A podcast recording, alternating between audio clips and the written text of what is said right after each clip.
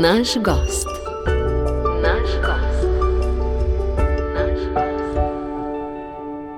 Drage poslušalke, spoštovani poslušalci, vesel sem, da lahko v današnji oddaji gostim legendarnega pevca, ki je sodeloval pri samem rojstvu slovenske popevke in je ta žanr gojil ter razvijal vse življenje, ter vtisnil v slovenski glasbeni prostor močan pečat, ne le z nepozabnimi melodijami, ampak tudi z žametno mehkobo glasu in srčno interpretacijo ter optimizmom in skromno življenjsko držo.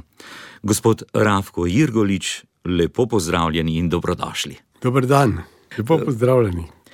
Dovolite, da vam na začetku najnega pogovora tudi čestitam ob res lepem jubileju. Prav včeraj ste namreč dopolnili 90 let vse najboljše.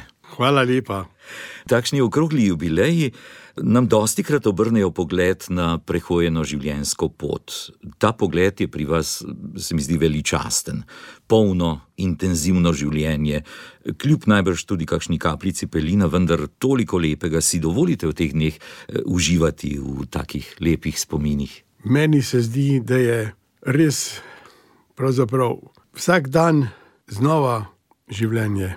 In vsakega dne sem vesel, ko sonce vzide pri teh letih.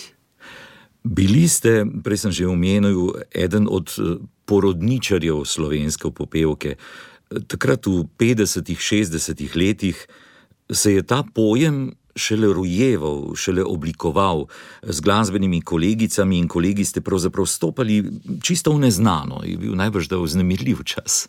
Bil, bil, ja. Seveda, mladi smo bili, drugi časi in takrat smo se mladi drugače družili, na raznih plesih smo se spoznavali. In eh, tako se je tudi zgodilo, da sem jaz začel peti. Namreč jaz nisem nikoli gradil na petju, da bi na vse zadnje delal neko kariero. Jaz sem samo pel rad. No, ta volja, ta želja, ta ljubezen se seveda čuti pri vaših interpretacijah. Mogoče začneva s tem, da ste pravzaprav štajerec, rojen na Koroškem, odraščali v Sevnici, pa več kot pol stoletja Ljubljančan. Kam vas bolj nosi? Ja, spomin mi največ, seveda, sega v Sevnico. Ne. Tam sem vso mladost preživel ne. in tam je tudi moja mama, domačinka. Ne.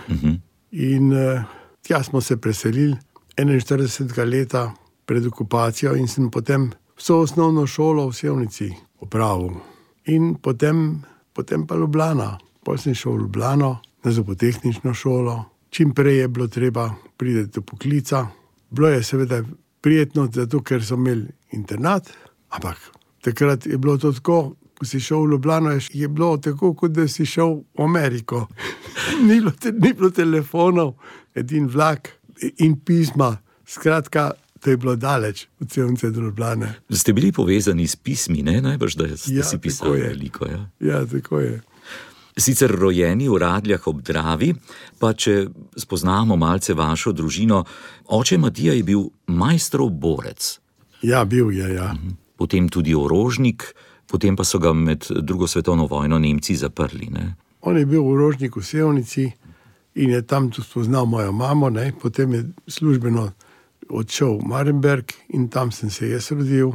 In uh, v tem Marenbergu torej, smo bili samo nekaj let, potem smo se preselili v Prevalje, kjer je oče dobil malo večje mesto. In v Prevaljah sem začel prvi razred osnovne šole. Potem 41. smo se preselili z mamo v Sevnico. Oče je ostal gor na meji ne? in skratka pol v celo okupacijo in tako naprej sem prebil v Sevnici. Pa je kdaj oče pripovedoval, o- denimo o teh svojih časih pri majstru, ali se vam je kdaj zazdelo, da je bilo to res pomembno obdobje? Bilo ja. bilo, seveda je bilo pomembno, absolutno. Oče je večkrat pripovedoval, kako je bilo. Bili so res te fantje, skratka, tudi potem, ko je bilo združenje v Sevnici, se spomnim teh njihovih sestankov. kako so pripovedovali drug drugemu zgodbe.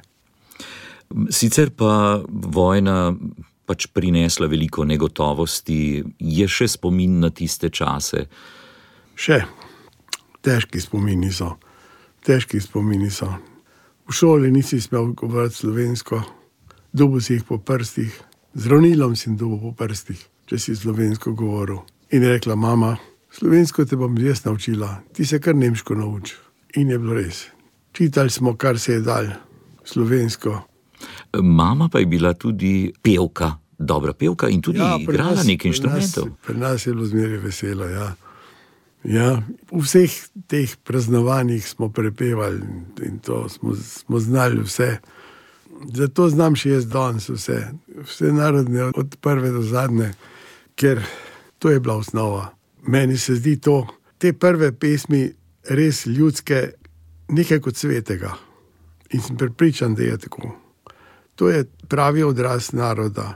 In tudi ta narodna zabavna, ki se je potem rodila naprej in se še rojeva in, in se še razvija, hvala Bogu, je res prava identiteta, res naroda in tisto pravo narodno izročilo, ki je najbolj dragoceno. In ki nosi v sebi tako veselje, kot eno otožnost, bolečino. Ne? Vse se izjoče v takšni narodni pesmi. Vse v narodni pesmi se da povedati. Vse. In vi ste veliko krat prepevali, tudi oče je bil pevec. oče je bil zborovski pevec, ja. on, je, on je v zborih užival. Naprimer, koroški zbor, moški zbor, kako to zveni, to je, to je enkrat tako orgle. Sicer pa nekje sem prebral, da vaš prvi nastop je bil zelo, zelo zgodaj, menda pri treh letih, pa ni bil pevski. Ne, ja. to so mi pa pripovedovali, da sem jaz ta prvič, ta prvič, ko sem bil čist mečken, da sem neki, moral nekaj zicitirati, nekaj, nekaj je bilo treba deklamirati, se je rekli takrat. Ne. Bogdanček, Bogdanček v Marenbergu, takrat je bil Marenberg, ne, 33 eh, let. Radili od obdravi. Ja. Kasneje. Ne. Mhm. No, in eh, ja, baje je mama mi takrat ponujala eno čokolado. No, in tisto čokolado sem, sem še enkrat doživel, ravno tako v Radlah, in to po 70 letih. Po 70 letih, naprimer, so me oni povabili enkrat na en kulturni dan, in jaz mislim, da bo to en pogovor. Pač in ni bilo samo tu pogovor, to se je raztegnilo. In takrat, tistega dne, mi iz ozadja prenese ena dama na veliko čokolado. Prosim, pred 70 leti. Kot spomin na tisti prvi nastop in prvo plačilo. E, sicer pa, če nadaljujem to vrstico z odri, potem ste stopali na odre najprej dejansko kot deklamator in tudi kot igralec. Ja, mene, mene je veselilo zmeraj nekaj početi, poleg poklica še. No, in takrat, ko sem bil v četrtem letniku za botehnične, ne, sem sodeloval pri Ivanu Robu tukaj v Ljubljani, pri skupini Ivana Mraka. In na tisto obdobje me vežejo res lepi spomini. Tudi kar nekaj lepih kritik ste takrat dobili, zapisali. Ja, torej, pri Kudu, Ivan Rob, takrat smo igrali smo igrali rdečega logana. Uh mhm. -huh. In pri tistem rdečem loganu sem jaz igral, sem jaz igral v prvem dejanju enega indijanca, v drugem dejanju pa drugo vlogo. To je bilo pri mraku zanimivo. In je bilo zelo zanimivo. Takrat sem se precej naučil in veliko smo, velik smo se pogovarjali o umetnosti, se spomnim. No, in kasneje, ko sem bil v novem mestu, sem tudi sodeloval v gledališču, Tam je pa bilo zanimivo, smo se šli celske grofe. Aha, seveda. V celskih grofih sem bil Ulrik. Vnuk Hermanov Ulrik. Tako je. In po tistem smo igrali še isto leto, še dve igri. Kaj vas je nosilo na, na te odre, kakšni občutki? Ja, takrat nisem prepeval, takrat mi petje ni bilo interesantno. Takrat je mene, mene bolj vleklo to igralstvo stopati v kožo neke vloge, to je najbrž da prav poseben izziv, ne? se preleviti v nekoga drugega. Je, to je bilo takrat, takrat je mene to zanimalo. Kdaj pa je prišel potem preobrat eh, k petju? No, potem sem bil, ko sem za botanično šolo naredil, sem bil dodeljen z dekretom v novo mesto. In v tistem novem mestu sem seveda se tudi udejstvoval gledališko in tam smo celske grofe igrali, mladost pred sodiščem in še eno igro, ki je, ki je opisana tudi v knjigi. knjigi Ivana Sivca, eh, ki je išla prav pred kratkim in govori o vašem življenju. Ne? Ja, tako. No, takrat, v obdobju, ko sem vojake služil, sem imel pravzaprav srečo. Sem bil točno pri, pri vojakih, tam, kjer delamo tale intervju. Ja, točno, škof, škofovi zavodi. Škofovi zavodi, Škofovi zavodi je bila šola rezervnih oficirjev, uh -huh. sanitetskih. Ne? In tukaj sem jaz odslužil pač to vojsko. Kako se spominjate teh časov? Ja, je bilo kar strogo. Je bilo kar strogo. Samo enkrat sem lahko šel domov. Ne? In uh, smo se kar precej naučili. Je bilo pa zanimivo, ker sem hitro sodeloval povsod z mladino v Šentvidu, pri recitacijah in tako naprej, da sem se, da sem se zaposlil nekako, da je bilo lažje prenašati vojaško, vojaško sukno. Po karakterju ste tudi tak eh, človek, da resno vzamete vse obveznosti, in tudi takrat, kot mlad vojak, ste resno želeli izpolniti vse naloge. Ja, lažje si prišel skozi, če si, če si enostavno tisto naredil, kar je bilo.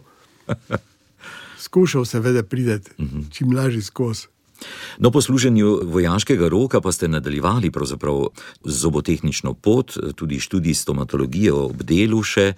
Nekje sem prebral, da ste potem kot zobotehnik se udeleževali seminarjev tudi v tujini in da ste imeli potem končni izpit v Chicagu. In s tem izpitom je povezana ena zanimiva zgodba, ki jo Ivan Sivec opisuje v tej vaši Ja, knjigi. Ivan, Ivan Sivec nas je nagovoril res za to, za to knjigo, da je pač opisal vse mogoče te pripetije, kar so se pač dogajale v mojem življenju. Ne. Res je to, ne vem v katerem smislu. Torej, po seminarjih v tujini naj bi imeli končni izpit v Chicagu in sicer naj bi vsi udeleženci izdelovali za isto žensko eh, izdelek, torej tudi to res, protezo, in na koncu je izbrala prav vaš, vaš izdelek. Ne? Ja. Je Bila svoje vrstna zmaga. Svoje vrstne, svoje vrstne situacije so bile, ja. tudi včasih pozitivne. Res sem se tudi v stroki izkušal izobraziti. In sem sodeloval z enim takim seminarskim delom, z eno močno firmo, in eh, nas je bilo skupina starejših zobotehnikov, in smo šli preko več držav, in smo se povsod ogledali, pravzaprav po en teden smo bili tam seminarsko, poslušali predavanja, kako pravzaprav isto stvar izdelujejo tam. In smo bili v večjih državah, in seveda tudi v Chicagu smo bili. Ja. In tam smo pravzaprav diplome prijeli. Šlo je za totalne proteze. To je mene za- zanimalo. Ne? Ko ni nobenega zoba več, takrat je treba na nov, pride popolnoma druga tehnologija. In spet ena takšna poteza, ko ste blizu človeku, ki potrebuje pomoč. Ne? Torej, pripraviti nekaj takšnega, da bo življenje ja. potem lažje. To delo zgleda zelo tehnično, ampak ni. Veste, ker imate tudi precej možnosti, da vplivaš v estetskem smislu in v takem smislu, da res ustrežeš vsakemu človeku in imaš upravka dejansko z, direktno z ljudmi, do take meje, da, da ti pusti. Da človek se lahko še, še vedno nasmehne, lahko je in se smeji in, in govori, in tako dalje. Ni to enostavno. Ja, za samo podobo človeka, za samozavest je pa to izredno pomembno. Ne? Res je. Delo zobotehnika vsa ta leta, delo v tej stroki, ni le nekaj op. Ne? Včasih smo ljudje tako laično imeli vtis, da je pevec, ki pa vendarle potem ima še nek poklic. Ne, to je bila prav ena od vej, v kateri ste zelo veliko svoje življenjske energije posvetili. Ja, sem, ja, res. Jaz sem oboje delal. Petje je bilo za mojo dušo, to je bilo za dušo. Če jaz ne bi zob, zobe delal, ne bi si mogel ustvariti družino. In jaz sem hotel imeti družino. Biti pevec v tistem času, počasi bo šla na to področje, je seveda drugače kot zdaj. Biti pevec je pomenilo nekaj prinašati z veseljem, ali se je dalo takrat delati kariero, služiti na vse zadnje. Ne, ne, služiti sploh ne. Sploh ne, to so bili drugi časi, to se ni dal. Ni bilo menedžerjev, ni bilo tako kot je danes, to, to ni. To sploh ne prešlo. Jaz sem sodeloval z vsemi mogočimi. Ne. Torej, veliko je pravzaprav v življenju na ključi. Ne. Prvo na ključi je to, da sem jaz dobil nado. Če ne bi bilo moje žene, ne bi bilo mene, ne pevca, nikakor ne. No, in potem so bila na ključa druga, da sem jaz spoznal v narodnem domu, tam, ko sem začel tu in tam prepevati. Namreč to so bili plesi ob sobotah, kjer se je pač mladina moje generacije zbirala, in takrat je bila moda, da na vseh gimnazijah so bili orkestri. No, eden od takih je bil tam. In takrat sem spoznal določene ljudi, ki so pri meni veliko pomenili. Brez tistih ne bi bilo ne petja, ne teh uspehov, ne mogoče. Torej, Aca Millerja, potem Kekca, Matija Barla, Ja. potem Marinka Jankoviča, kitarista, ki je prinesel takrat svinčnikom napisane melodije, ko smo razmišljali, da bi kakšno novo melodijo, kakšno drugačno melodijo spravili na oder, ne kakorkoli. Na kar smo rekli, da je dobro, te melodije so lušne, to so bile take ameriške narodne. In je enostavno Matija rekel, besedil bom pa jaz napisal. In smo malo gledali po stran, in je res napisal. In to je dobra besedila. Uh -huh. In tako je nastal Jaham spet v Kolorado, znova mi srce je mlado. Tako je nastal deček s planine. Ne? In je to prevedel v I was a boy from the mountain. Ne? In tisto pesem, naprimer, je, je potem, ko smo že bili tukaj, orkester tako dober, da smo šli snemati. ne. In smo to prvič posneli, in rekel, da je pa dobro. Je. Je rekel, vse to je narodna pesem. Ja, sem rekel, "Ja, verjetno je to kakšen naš slovenc tam v Ameriki napisal. Ja, pa, pa imaš original. In jaz sem pol kasneje, kasneje sem dobil original, smo mogli pokazati, da so prav originalne te pesmi. Spet domov, spet domov, spet domov, v Kolorado dom sred skalnatih bregov. Kaj mi mar za kraje, tu je žrebec, kako pot zmaguje, saj me nosim v Kolorado spet domov. Čisto drugačen princip eh, pravzaprav pridobivanja pesmi, iskanja, sestavljanja novih je bil v tistem času. Ne? Seveda. No, kasneje so naši fanti za mene napisali, kakšno. Takrat je bilo treba si iti pa peti učiti. Takrat sem jaz bil pri Jelki Strgarevi. Sem se šel peti učiti, seveda, je bilo treba, da mi je tehniko povedala. Ne. Ampak ni z mano veliko delala. Je kar mal mi razložila vse skupaj. Je rekla, da naj kar v tem ostanem. Ni mi širila glas. Je rekla, da naj v tem prepovedujem in da naj mi napišejo o tem v takem obsegu. Ja, in to je nekaj edinstvenega. Ne? Dober pedagog zna prepoznati, kaj je dobro, in pustiti človeku originalnost. Imenitna gospa je bila. Takrat se je začelo potem bolj resno. Ne? Če me spominjam, vara ste bolj tako spontano prišli do teh prvih nastopov. Omenili ste vašo veliko ljubezen življenja, gospodado, usodno srečanje. In mislim, da prav na njenem maturanskem plesu ste ja, nekako spontano plesu, zapeli. Ja. Na maturanskem plesu je bilo pa tako, da, da je bilo pa enostavno je bilo treba nekaj zapeti. Ne? In sem jaz vstal in, in, in pač zapel tisto. To, to so bile popularne pesnice takrat. No. In je bil uspeh takoj. Ja, je bil uspeh takoj. Ja. Ja, posebej tudi pri njenem očetu. In, Vam je to odprlo vrata? ja, ampak ta njen oče je bil nekaj posebnega, bil je iz, izreden možakar. Z njim smo imeli zelo lep odnos. On je zastopal muziko in glasbo, vse mogoče inštrumente je znal igrati. Najbolj je bila Havajka, kasneje je učil kitaro. Ste imeli tudi v njem takšnega glasbenega zaveznika? Imel zaveznika in zagovornika, absolutno. O Nadi bi lahko pravzaprav odprla temo v vašem življenju izredno pomemben človek. Lani sta praznovala 60 let poroke, že prej sta bila skupaj pred poroko. To je tudi nekaj, kar bi človek rekel, ko gleda takole nazaj, da najbrž takšnih naključij ni, da je bilo kar usvojeno to vajno srečanje življenjsko. Težko je reči, če so res na ključa. To je enostavno prideti. In 60 let je minil, ja, 60 let. Bilo je tako in drugače, ampak skozi je bilo pa v redu. In vedno podpora tako pri poklicnem, kot tudi glasbenem. Mi dva smo imela razdeljeno, mi dva smo na, natančno vedela, da drug drugega ne ovirava pri kakršnem koli razvoju, kakršnem koli. Ko je nada šla študirati, ne, ko sem jaz prepeval in tako.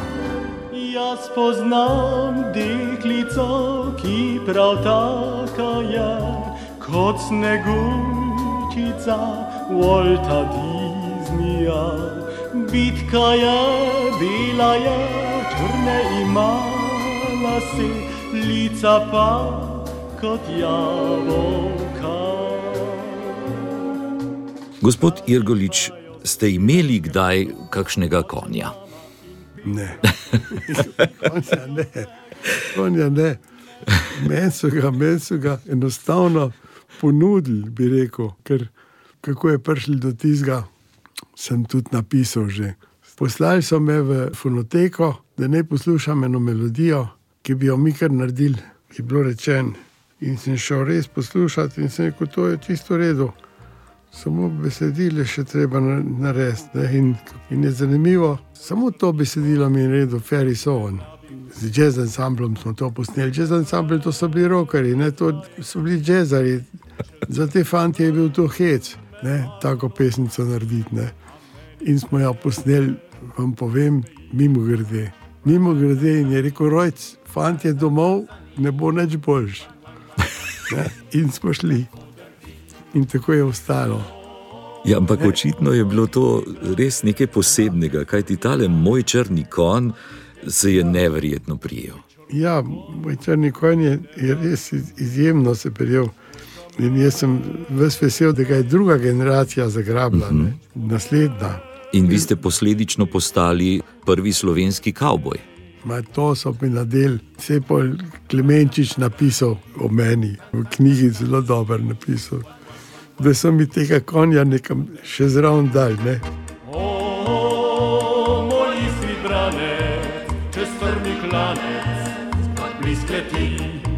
moj črni kon ne rabi uzde, Boga me brez vajeti, ko čaka me nič ne razgeče, da mamca se ne prebudi.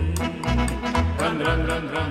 Je bila pa potem serija teh pesmi, ne Jaham Colorado, o Suzana in Seveda, še Bilo je, nekaj. bilo je nekaj. Ja. Filmi so prihajali o divjem zahodu. Ne. Opozorili smo na se, takrat je prišel zahod, iz zahoda so prišli ples na vodi. Aha, ja. reka brez povratka in tako naprej. In te melodije smo, smo jih naenkrat čutili v ušesih. Ne? No, neka druga vrsta pesmi, vaših pesmi, pa so tiste, ki sežejo v dno duše. Ene so zabavne, prijetne melodije, nekatere pa segajo globoko. Še ena takšnih usodnih pesmi je prav gotovo Domovina. Ja, domovina. Dve pesmi sta, ki me spremljata. To je domovina in pa črnikon. Domovina je bila vsad dela z korbarjem, cacom smo mu rekli cac. In zelo sem vesel, da mi je to pesem dal. In smo takrat z velikim veseljem in zanosom posneli takrat. In to je bilo že leta 63. Se pravi, še pred črnim Pred, konjem. pred črnim konjem. Ja. Črni konj je bil pol 65. Tako je. Ja. Besedilo Simonjenko, Simorjenko, ja. pesem, ki govori o hrepenenju. In ta pesem je tako globoka in povedna, da te ne pusti hladnokrvnega, te ne pusti kar tako. Domovina, domovina, z Bogom, z Bogom, zadnji kraj.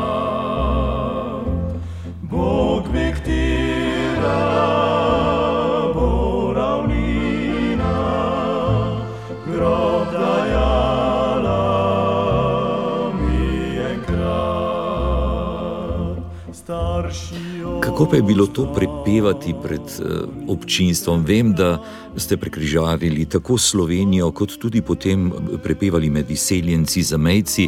Vedeli ste najbrž, da pri črnem konju bo šlo vse v luft, da bo zabavno, pri domovini pa najbrž ste čutili nekaj čisto Ne, drugega. domovina, domovina je bila čist posebna stvar. Sovzami so, so bili takrat, ko sem šel v Kanado. Ko sem bil v Kanadi, jokali so. In to se mi je večkrat že zgodilo, da so sovzami poslušali. Tisti ljudje so pa prav čutili. In tako sem dobil tudi pol odmev, razna pisma. No, druge, tiste, tiste jaham, ko je rado ali pa kaj tasga, to so pa zraven pel. Zraven pel in to po angliški, to je bilo zabavno. Res zabavno. Med rojaki v Ameriki ste bili, ne? Ja, ampak to je bilo, to je bilo leta 70, takrat, ko smo še zelo v Jugoslaviji bili. To je danes čist drugače. Ja, takrat je bilo oditi ven, pravzaprav tako na eno takšno turnejo, tudi zelo nenavadno. No. Ni jih bilo veliko, ki so tako le odhajali najbrž da v zahodni svet. Ja, res je, res je. Ja. Glasbeni svet je, je zelo zahteven, včasih nepredvidljiv. Ste v njem doživeli tudi kakšno takšno slabo izkušnjo, zavrnitev, krivico. Mah, drobne krivice so bile, ampak človek to skuša pozabiti. Ne pomaga, da si, da si očitaš ali pa razmišljaš kar naprej. Pogledam, sem, da se to ne splača. Aha, In sem kar potlačil to. Bilo je marsikaj. In v katerem življenju pa ni. no tu zdaj govori modrost, modrost let. Gospod Ravko, v misli sem imel prav, da nimo to ameriško turnejo, kjer najbrž niste bili prav pri pravih izseljenskih društvih, ne? in posledično potem je imela tudi kakšna vaša pesem, kasneje težave tukaj doma, ne? zaradi režima.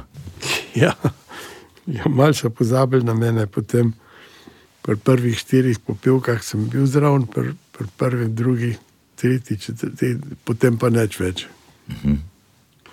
Mal je bilo no. Pa še ena takšna pesem, ki je tudi zbodla eh, in se potem posledično v tistem času ni najbrž smela vrteti kaj dosti, je večer v planinah. Večer v planinah. Ja. Pesem, ki omenja zvonove. Je, bil, je pa fantastičen aranžman, rubežnik naredil, edinga, edin tisti aranžman. Ampak tam se slišijo zvonovi in tisti zvonovi niso bili ta pravi. Zgleda, In so takrat motili. prvič, prvič so bili zvonovi, zabavni muski zvonovi, lepo prosim.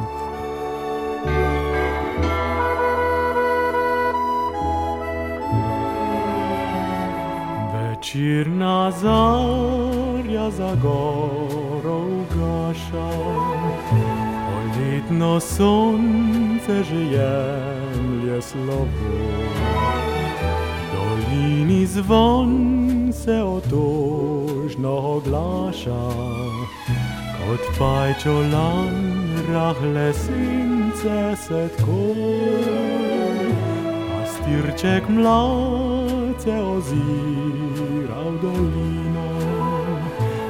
Dolino, planinsko cvetje klobuk mu krasi. Glasno zavriska v zeleno planino, Uho nastavi še pet v noči.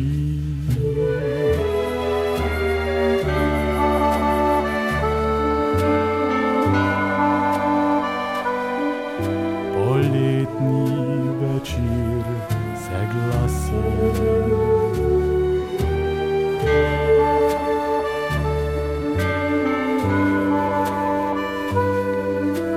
teren odmev zadoni,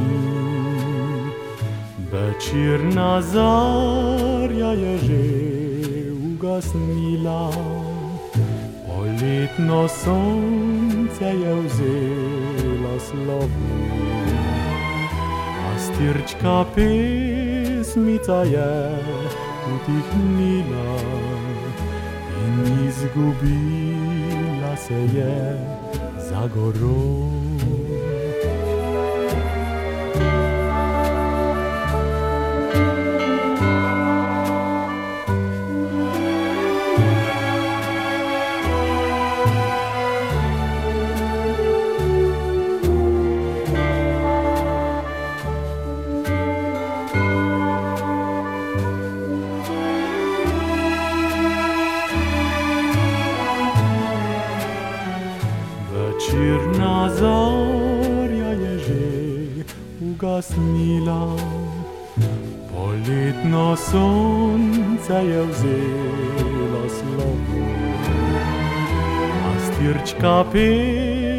Pesmica je utihnila in izgubila se je za goro.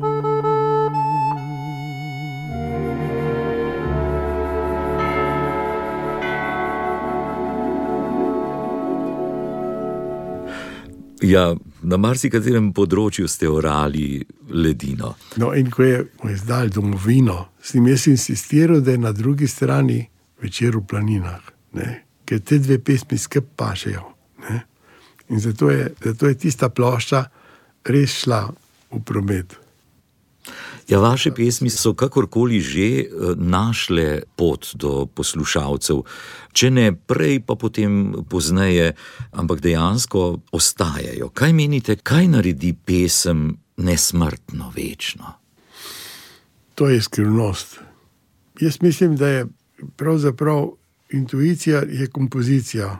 Pol besedilo se da potem napisati. Lahko napiše samo tisti, ki pozna slovensko, ki pozna slovenščino v potankosti, ki res zna slovensko. Tisti napiše ta pravo besedilo in tisto musko mora čutiti. Ko sem jaz hodil k strnišatu, ki smo bila dobra prijatelja že, sem moral petkrat, včasih desetkrat isto melodijo zapeti, lepo počasi in si je on stopice zapisal. In ko je on rekel, že imam, sem vedel, da bo to prav tekst. No, težko je reči, kako nastane, ampak eno je sigurno v eni taki lepi pesmi, ki naj bi ostala, mora biti vsaj, vsaj tri stvari. Mora biti ritem, mora biti harmonija in mora biti melodija. Če ni melodije, kakršne koli, taka pesem se bo težko prijela. In težko se bo dotaknila duše. Omenili ste velika imena, da nimo pisanja besedil, ne? Gregor Strniša, Matija Barl, prvi kekec je tudi pisal za vas, Elza Budal. Torej, takrat so besedila res delali tisti, ki so imeli čut za to, skladatelji, avtori prired, vaših pesmi pa so bili tudi Marijo Rijavec, Jože Prjušek, Bojan Adamič, Jože Robežnik. In to so spet velika imena, ki so vedela, kaj delajo. Ne? Res je. Elza Budov je, je velika gospa. To, kar je ona naredila, je, je vse imenitno. Kar je Strniša napisal, drži. Veliko mi je napisal, pravzaprav melodij. Na zadnje, ko sem pogledal, je Privšek največ napisal. Nekaj takih lepih, mehkih, ne veličastnih pesmi, ampak kar nekaj takih mehkih, ki jih je potem beseda naredila, da sem jih lahko jaz prepodval. Je bil tekst tako napisan, da sem jaz tisto musko prepodval, da se je dal povedati v pesmi. Ne vem, težko je to razložiti. Treba je biti na odru, da čutiš. No, to me zanima, kaj se dogaja pri vas, recimo, kadar ste tako le stopili na oder. Zdaj, tiste tehnične stvari, ne, ko človek pozna melodijo, ko pozna besedilo in tako naprej, potem najbrž nastopi nekaj čisto Ja. drugega. Ne? Ja, tehnični del je tehnični del. Melodija se, se hitro naučiš, če si jo ne naučiš, pol pustrajš petje. Jo moraš takoj znati. To je tehnični del, ampak pol je pa del. Potem pa kako interpretirati, je pa tako, da, da ga tudi dvakrat ne, ne znaš narediti enako. Ampak podoživeti je treba tisto res besedilo in glasbo skupaj. In je to pravzaprav delo, delo sama seboj. Težko ti to eden razloži, ali pa da bi ti eden čisto točno povedal, kako dramaturško narediti pesem, kako speljati pesem. Težko, težko, moš kar sam. Ker sam jaz sem to veliko sam pripravil pesem. Ker takrat ni bilo časa, da bi tako, kot se danes reče, smo se zaprli v studio, pa smo delali dva dni, pa tretji dan smo pa naredili krasno pesem, na kateri smo sodelovali, jaz pa še un, pa un, ta tretji pa moj prijatelj. Ne, In smo pol popravili tista dva tona in tako naprej. To ni bilo pri nas. Ti si prišel, imel si na uro časa in gotovo. In to je ostalo za vse življenje. In drži, no, to, je, to je tisto, če mu rečemo, res fenomenalno. Gospod Ravko, kako se spomnite teh snemanj? Tega je bilo veliko, ne? tako samih plošč, takrat so bile te vinilne plošče, potem pa tudi razno raznih oddaj, televizijskih. Ja, veliko, veliko več je bilo kot danes, pa, pa zelo sproščen je bilo tam na televiziji. Na televiziji smo bili vsi prijatelji. Ta zadnji snemalci je natančno vedel, kako in kaj. Skratka, vsi smo sodelovali na en način, da je točka uspela, kakršna koli. Ne, Jaz sploh ne razumem, če ni sloge pri takem delu, pol ne more biti uspeh. Ne, je bilo več takih. Se kakšnih snemanj še prav posebej spomnite? Ja, seveda se spomnim še kakšnih, tudi, tudi spodrsljajev, pa to, da smo ponavljali, pa tako, vse smo tudi. Novo leto, ko smo delali, to je bilo zanimivo. Če smo novo leto ne delali, takrat je Beograd snemal in smo čakali polnoči, ob enih smo dobili pa nazaj iz Beograda, da smo se slišali, če smo dobro naredili. Naprimer. Zanimivo, ja, precej drugačna tudi tehnika. Ko je tehnika, seveda, tehnika gre naprej, ne. Je je zdaj čist drugačne. Zdaj so možni popravki, kot ste rekli, takrat pa je bilo treba vse oddelati. Ta pravo je brez popravkov, ta pravo je čist. Morava se dotakniti eh, še enkrat teh pionirskih festivalskih časov. Slovenska popevka se je takrat rodila. Bili ste na prvi, drugi, tretji, četrti, pravzaprav. Ja. Mi smo takrat iskali slovensko popevko in smo jo našli. Ne vem, zakaj jo izgubljajo. Vse ni potreben. Ne? Rodilo se je nekaj trdnega, dobrega, lepega, kar se je potem gradilo leta, desetletja. Ne? Seveda, pa se je že enkrat zgubil, pa zopet smo. No, zdaj jaz sem vesel, da smo pravzaprav prišli do šansonov. Tam vidim, da gre naprej. Kaj pa sodelovanje med glasbeniki, vami, med pevci v tistem času, vaši pevski kolegi, Marjana Držaj, Elda Viler, Majda Sepe, Beti Jurkovič, Jelka Cvetežar, Stane Mancini, Nino Robič, mnogi, mnogi drugi. Zdaj, več je bilo ženskih vokalistk. Ne? Ja, več jih je bilo, ja. več jih je bilo. Stane je bil pred mano že, ja, več jih je bilo. Ja. Takrat je bila tudi navada, da ste peli v alternaciji. V alternaciji pa tudi več pesmi smo imeli. Na prvi, drugi in tretji popevki, posod si imel po več pesmi. Pa v alternaciji smo snemali, pa vse mogoče je bilo. Danes je to drugače. Je pa tehnika, seveda, tudi veliko boljša. Kakšno je pa bilo druženje med vami? Imenitno, imenitno. Nikoli, ni, nikoli ni bilo zavisti. Zelo, zelo smo drug drugega podpirali. Ni bilo nikoli nobenih težav. Jaz jih nisem imel nikoli. Tudi veliko nagrad je prihajalo, ste bili veseli tudi takšnih priznanj publike in stroke. Ma jaz sem bil vesel, da se je prijel še druge generacije. To je bilo več kot da si zmagal na, na, na kjerem koli festivalu. Večkrat se je izkazala tudi ta vaša džentlmenska drža, ki jo imate skozi vso svojo kariero odrsko. Mislim, da je bil festival večnih melodij Zlati rok v Laškem, ko je občinstvo prvo nagrado z enakim številom točk prisodilo skladbama Moj črni kon, pa med iskrenimi ljudmi, ki jo je zapela Majda Sepe. No, in uh, nagrada je bila samo ena, pa se je od takrat lepo odstopili, gospe Majdi. Ja, takrat že, seveda, seveda snijes to, absolutno, ampak takrat se je izkazal nekaj drugega. Majda je insistirala, da jo ne jaz odnesem domov. Meni je bilo rečeno, bojo jutri naredili drugo. In so jo tudi res naredili. Tako da je bilo zanimivo. Ne?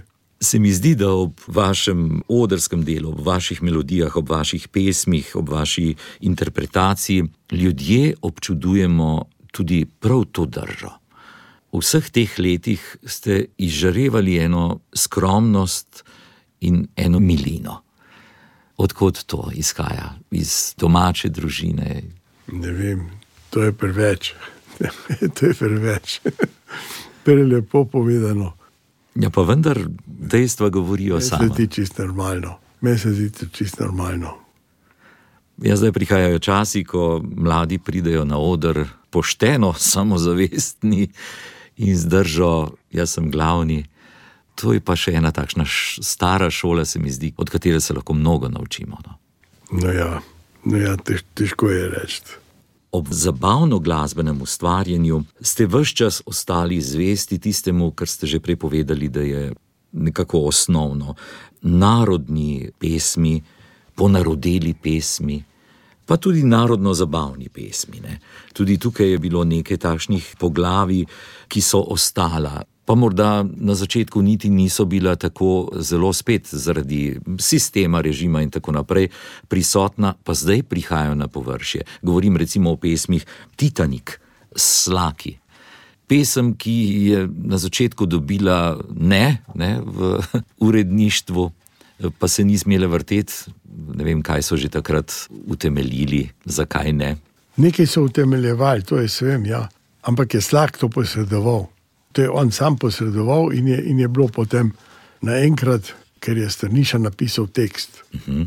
Potem pa je bila zelena luč. Ja, tako. Pa da nimo pesem Letijo ptice, Avsenik.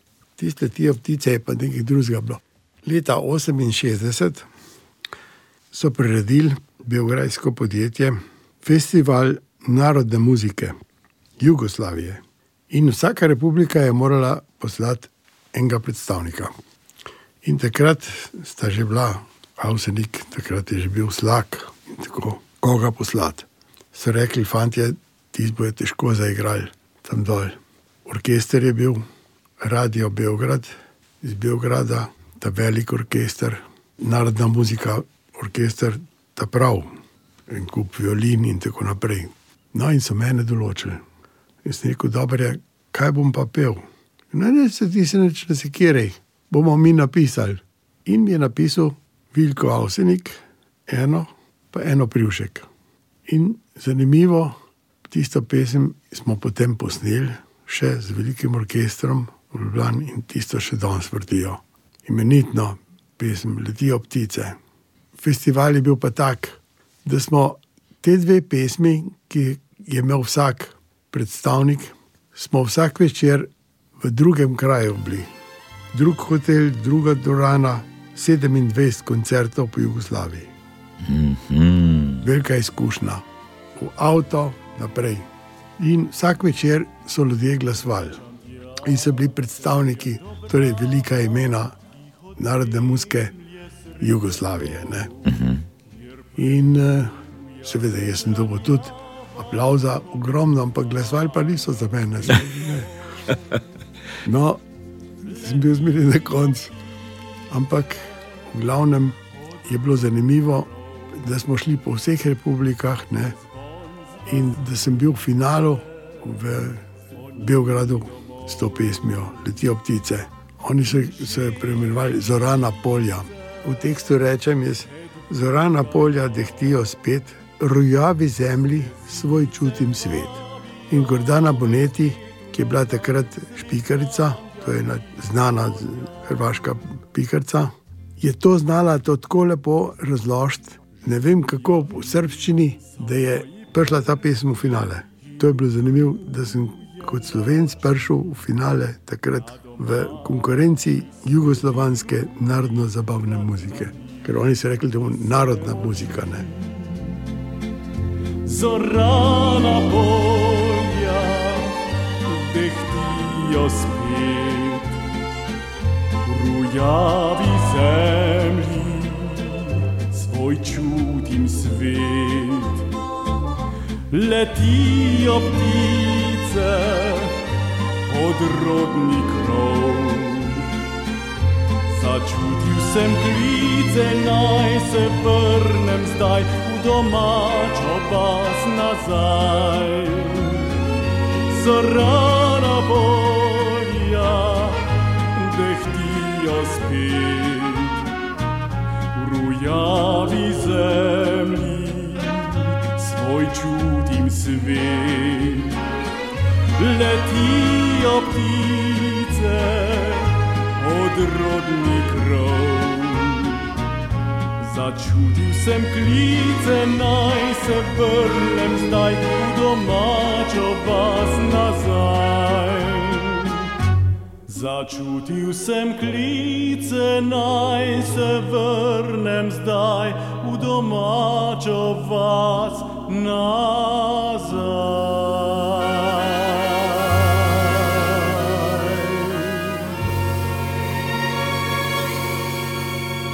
Največji uspehi so najbrž res tisti, ko človek začuti, da publika jemlje pesem za svojo. Ja, absolutno. Absolutno čutiš z odra, seveda, čutiš. Naenkrat te ponesejo, to je absolutno. Je bilo veliko takrat teh jugoslovanskih festivalov, kajkavska popevka, vem, da. No, v Kajkovski, torej meni se zdi, da ni bilo slovencev, da bi sodelovali. Jaz sem enkrat bil na festivalu, eno Adamičevo pesem sem imel, preko Sutle most. Hrvaški tekst, šlo je za prijateljstvo. No, ampak ko smo že pri pesmih, lahko bi naštel ogromno naslovov, ne vem koliko je posnetkov, je več kot sto, prav gotovo, tudi veliko vinilnih plošč. Ampak med pesmimi je še kakšna takšna, ki jo včasih pripisujemo komu drugemu, pa niti ne vemo izvora. Vem, da je ena takih pesem osamljen. Ki je šele kasneje v priredbi skupine Gugu nam bila prenešena na en tak način, Ja. pa niti ne vemo, da je vaša. To je pesem, ki se To začne. verjetno, to je bila verjetno čisten prvi šlager slovenski. Takrat mi je to napisal Kleček, Klemenčič napisal za Maribor. Imela sva z Beti Jurkovič, z Beti sva imela angažma, da sva nastopala v Totem teatru. To je bilo po Mariboru, neverjetno zanimivo doživetje. Mariborče se znajo zabavati. V operi je bilo šaljivo gledališče, ne, vse mogoče. In jaz sem takrat zapel Deček z planine, Jahom Kolorado in tole osamljen. In uh, to pesem so enostavno posneli, ne vem kako, in se je naenkrat v Ljubljani pojavila pred filmom. Hmm. To so Mariborčani naredili. No, kasneje sem jaz ta posnetek tudi naredil in se je pol kar mal zgubil. So pa Gugujevci naredili to isto stvar in to zelo dobro. To zdaj lahko poveva, da gre za pesem, ki se začne sam po parku se sprehajam. To je, sam Kdo po je ne pozna? Ne? Ja, še, še ena vaših, pravzaprav. To je bila ena čist prvih, ko jih je Klemenčič takrat napisal za, za Maribor. Rekli ste, Mariborčani se znajo zabavati. Preizkusili ste raznovrstno publiko. Katera je najboljša? Ja, prvo veliki aplaus sem dobil v Mariboru. Aha. Ja, ja, Mariboru, to so te pravi. Kadar se zabavajo, se res zabavajo. Gospod Ravko, spremljate kaj sodobno, popularno glasbo, to, kar zdaj pač ustvarjajo mladi pevke, pevci, avtorji. Ne morem reči, da spremljam res striktno. Skušam slediti in sem prepričan, da čisto vsaka generacija ima svoje krasne stvari in take, ki bojo ostale. In čisto vsaka generacija ima interprete, neverjetno dobre. In uh, nobena trditev taka, da je, da je ta muska popolnoma zaneč in tako naprej, ne more držati. Čisto vsaka generacija ima čustva in tako. Seveda je pa, je pa odraz trenutnega stanja, kako se družba obnaša. Ne? Vse glasba ni drugega kot izraz. Za me je narodna zabavna glasba neke vrste nadaljevanje tradicije ljudskega izročila. Samo drugačna je oblika. Ne? Ta glasba je pravzaprav meni pomen, da je to res tista, ki privre iz srca in nas res označuje kot slovenca. In sem prepričan, da se bo še razvila še naprej v smislu globokega, samo nam lastnega čustvenega izraza. Se pravzaprav taka prava narodna zabavna glasba so ustvarja identiteto naroda. Gospod Ravko Irgolič, kaj bi tem mladim ljudem, ki zdaj stopajo na odre pred publiko z neko svojo glasbo, položili na srce iz svojih bogatih izkušenj? Vsak išče posebnost, malo drugače. To je zanimivo, ne? na vsak način. Vse, kar je z intuicijo napisano, je dragoceno. Težko je kakršen koli oceno dati tako, težko je reči. Vztrajnost je eno. Pravijo, da so določene stvari, ki se jih ne moš naučiti. Ali poješ enostavno iz srca, to je plemenitost petja, pa vendar vemo, da se petja da naučiti. Gospod Ravko, v knjigo o vas, ki jo je napisal Ivan Sivec, Nepozabno življenje je naslov in je išla, je še vroča, pravzaprav pred kratkim, ste uvrstili tudi nekaj citatov, ki ste jih sami izbrali, zato ker tako opisujejo tudi vaše razmišljanja. Bi hoteli, lepo prosim, za naše poslušalce prebrati kakšnega? Naprimer, zakaj imamo radi pevce? V čem je moč petih pesmi? Morda so nas naučili peti ptiči, morda ne. Morda smo zgolj bitja v iskanju vznesenosti. Te nimamo prav veliko. Naša življenja niso, kar si zaslužimo. Naše življenja so, strinjamo se, nepopolna na mnoge boleče načine. Petje jih preobrne v nekaj drugega. Petje nam kaže svet, ki je vreden našega koprnenja. Kaže nam nas same, kakršne bi morali biti, če bi bili vredni sveta. To je napisal Selman Ruždi, tla pod njenimi nogami. In še ena, pet skrivnosti skriva ključ do najvidnega. Ljubezenski akt, rojstvo otroka, opazovanje velike umetnine, prisostvovati smrti ali katastrofi in slišati človeški glas človeški glas, ki se dvigne v pesem. To so priložnosti, ko se zapahi vse mirja na stežaj odprejo in dano nam je videti, kar je skrito, pis nepopisnega. Gospod Ravko Irgolič, pred koncem, morda še na področje, kjer pravzaprav tudi lahko črpamo navdih, vračava se v vaše družinsko življenje se mi zdi, da je to nekaj tistih trdnih vrednot, ki se jih oklepate in ki jih pravzaprav tudi izražate pri svojem delovanju, tako ali drugače. Družina, ena zvestoba, domovina, so to tiste stvari, ki vam veliko pomenijo v življenju. Absolutno. Vse to, kar ste našteli, vse drži.